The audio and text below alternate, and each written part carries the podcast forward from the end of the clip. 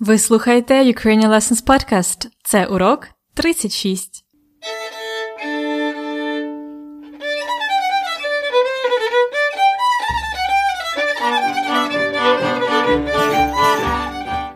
Привіт, привіт! Це Анна, ваша вчителька української. This is a Ukrainian Lessons podcast that helps you to learn Ukrainian while listening to the conversations between Ukrainians and getting some extra help from me to understand the words and grammar. If you don't know yet, from this episode we start a special part of this 40 lesson series. Now we will take everything you've learned over the past 35 lessons and put it to practice of general understanding of basic and real conversations in Ukrainian. I will be talking to four different Ukrainian people and ask them simple questions. So you could also use these questions when you are in Ukraine, when you meet new people. I hope the following four lessons will help you to understand more and review while listening. Let's start with the first interview. Today I am talking to Богдана. Вона ще вчиться в школі. She's still studying at school.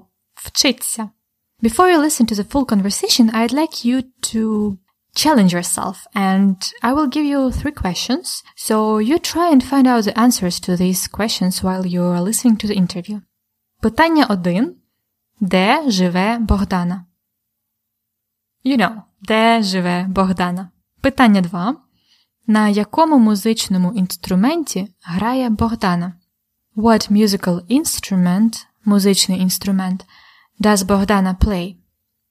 І питання 3. Яку мову вивчає Богдана? What language is Богдана learning? Вивчає.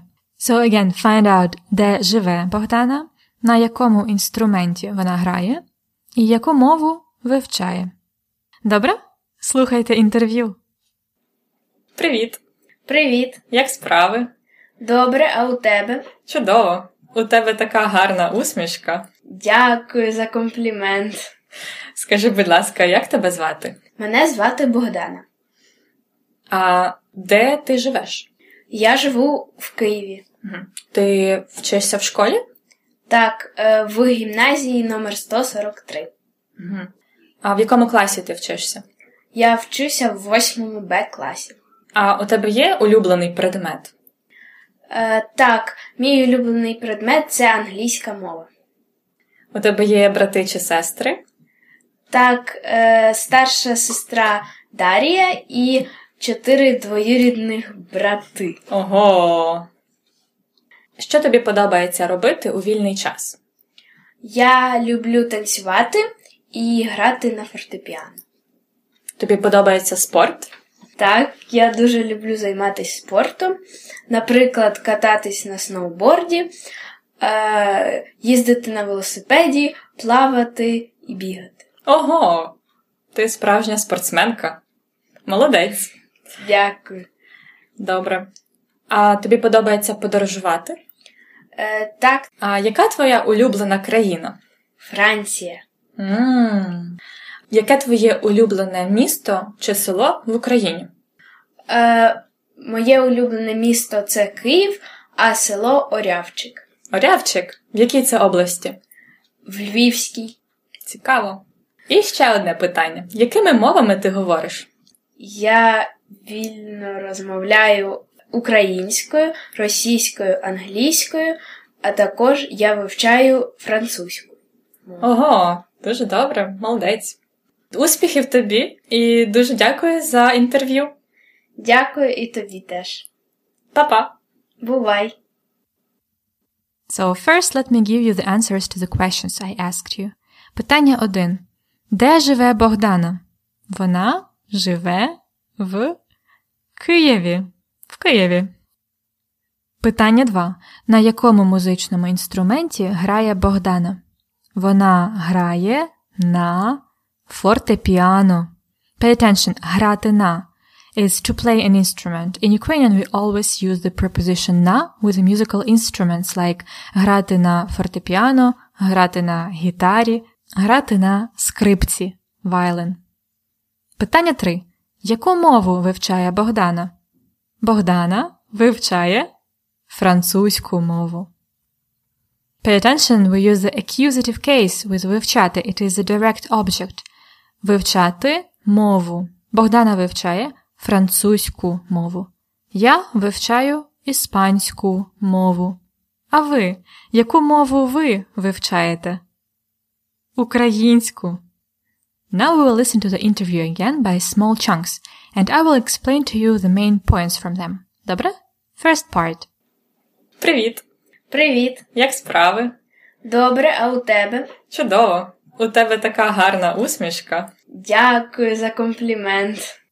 Here I gave Богдана комплімент. Комплімент. I said, у тебе така гарна усмішка. Усмішка is a smile. Така гарна. Remember from the Valentine's episode we had ти така гарна. So beautiful. У тебе така гарна усмішка. You have such a beautiful smile. Далі. Next. Скажи, будь ласка, як тебе звати? Мене звати Богдана. А де ти живеш? Я живу в Києві. Ти вчишся в школі? Так, е, в гімназії номер 143. А в якому класі ти вчишся? Я вчуся в 8 Б класі. А у тебе є улюблений предмет? Е, так, мій улюблений предмет це англійська мова. Окей, so Богдана вчиться в школі, в гімназії. Гімназія is a type of school. Вчитися. Вчитися to study. What conjugation is that? Вчитися. It's second one because there is i before тися. Вчитися. And this is a reflexive verb ending with ся. So we have to keep ся all the way, conjugating the verb. Я вчуся, ти. Вчишся, він. Вчиться, ми. Вчимося, ви. Вчитеся, вони. Вчаться. Тому Богдана вчиться у школі. Її улюблений предмет англійська мова. Can you guess what предмет is? Предмет у школі is a subject at school. Again, її улюблений предмет англійська мова. Добре, слухайте далі. Listen further. У тебе є брати чи сестри? Так, е, старша сестра Дарія і чотири двоюрідних брати. Ого. Що тобі подобається робити у вільний час? Я люблю танцювати і грати на фортепіано. Тобі подобається спорт? Так, я дуже люблю займатися спортом, наприклад, кататись на сноуборді, е, їздити на велосипеді, плавати і бігати. Ого! Ти справжня спортсменка. Молодець. Дякую. У Богдани є сестра? Так, у неї є одна сестра. А у неї є брати? Ні, немає.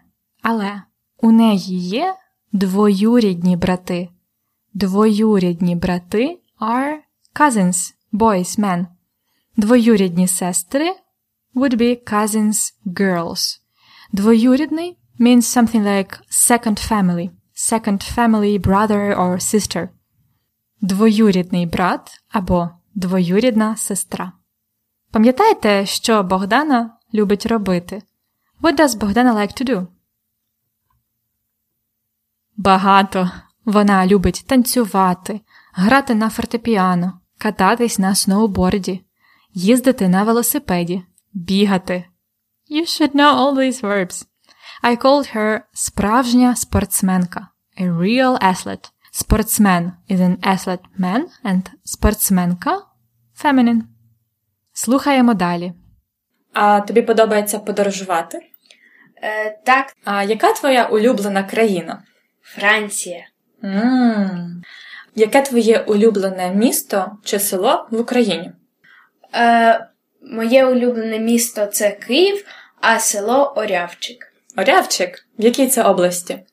В Львівській. Яка улюблена країна, Богдане? Франція. А місто? Київ. А село? Село is a village. Яке улюблене село Богдани. Її улюблене село Орявчик у Львівській області. Remember, Oblast is the name of the administrative region in Ukraine. So, Львівська область. Далі. І ще одне питання: якими мовами ти говориш? Я вільно розмовляю українською, російською, англійською, а також я вивчаю французьку. Ого, дуже добре, молодець. Успіхів тобі і дуже дякую за інтерв'ю. Дякую і тобі теж. Па-па! Бувай! Богдана вже поліглот. She is already a polyglot. Вона вільно говорить українською, російською і англійською. Remember вільно, вільно. Freely or fluently. Вона вивчає французьку. She is learning French. So pay attention говорити українською, російською, англійською. But вивчати is plus accusative. Вивчати французьку. At the end, when saying goodbye, Богдана used a nice informal way. Бувай. Бувай is bye, or just like папа. Бувай. А зараз слухайте інтерв'ю ще раз. I hope you understand much more now. Привіт! Привіт! Як справи? Добре, а у тебе? Чудово! У тебе така гарна усмішка. Дякую за комплімент. Скажи, будь ласка, як тебе звати? Мене звати Богдана. А де ти живеш? Я живу в Києві. Ти вчишся в школі? Так, е, в гімназії номер 143. А в якому класі ти вчишся? Я вчуся в 8 Б класі. А у тебе є улюблений предмет? Е, так, мій улюблений предмет це англійська мова. У тебе є брати чи сестри? Так, е, старша сестра Дарія і чотири двоюрідних брати. Ого. Що тобі подобається робити у вільний час? Я люблю танцювати і грати на фортепіано. Тобі подобається спорт? Так, я дуже люблю займатися спортом, наприклад, кататись на сноуборді, е, їздити на велосипеді, плавати і бігати. Ого, ти справжня спортсменка. Молодець. Дякую. Добре. А тобі подобається подорожувати? Е, так, А яка твоя улюблена країна? Франція. м Яке твоє улюблене місто чи село в Україні?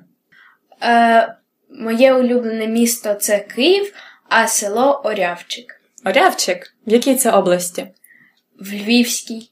Цікаво. І ще одне питання: якими мовами ти говориш? Я вільно розмовляю українською, російською, англійською, а також я вивчаю французьку. Ого, дуже добре, молодець. Успіхів тобі і дуже дякую за інтерв'ю. Дякую і тобі теж. Па-па! Бувай!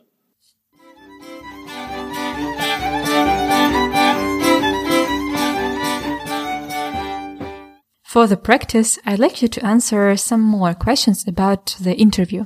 They will be very easy, by, but try to respond with the full sentences, okay? I will pause so you can think about it and don't be shy to say it aloud. Питання 1. Як її звати?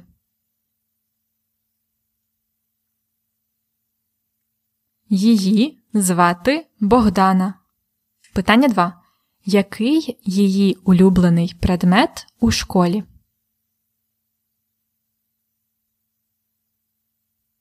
Який її улюблений предмет у школі? Предмет subject. Її улюблений предмет англійська мова. Питання 3. Якими мовами говорить Богдана?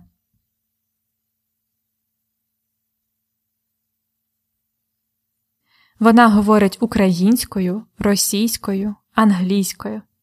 And we can add that вона вивчає французьку. Добре, you can find more practice and uh, good translation exercises with today's vocabulary in the lesson notes.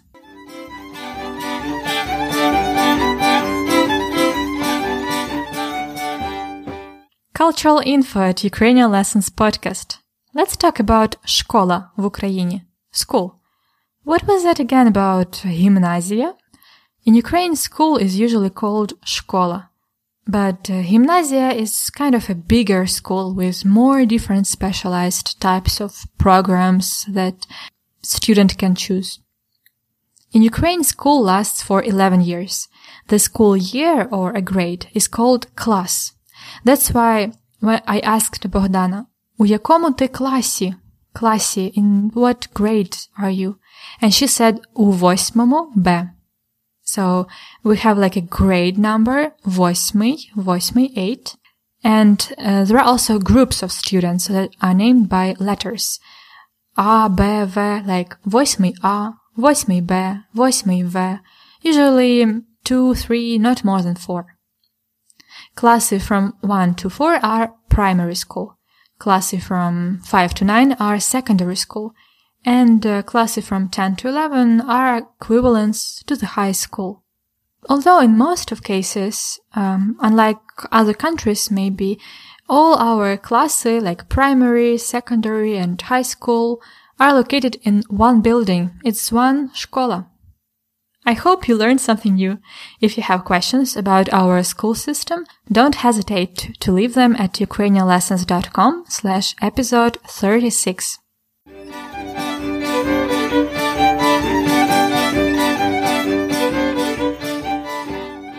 І це все на сьогодні. This is all for today. Hope uh, you like this style of lessons. Next time there will be another Ukrainian person I will interview. Remember that our premium notes are available. They include the full transcript and translation of the interview, plus word lists with more than 20 new words and expressions from today's conversation. Learn more about that at ukrainianlessons.com slash episode 36 ukrainianlessons.com slash episode 36 До побачення! Бувайте!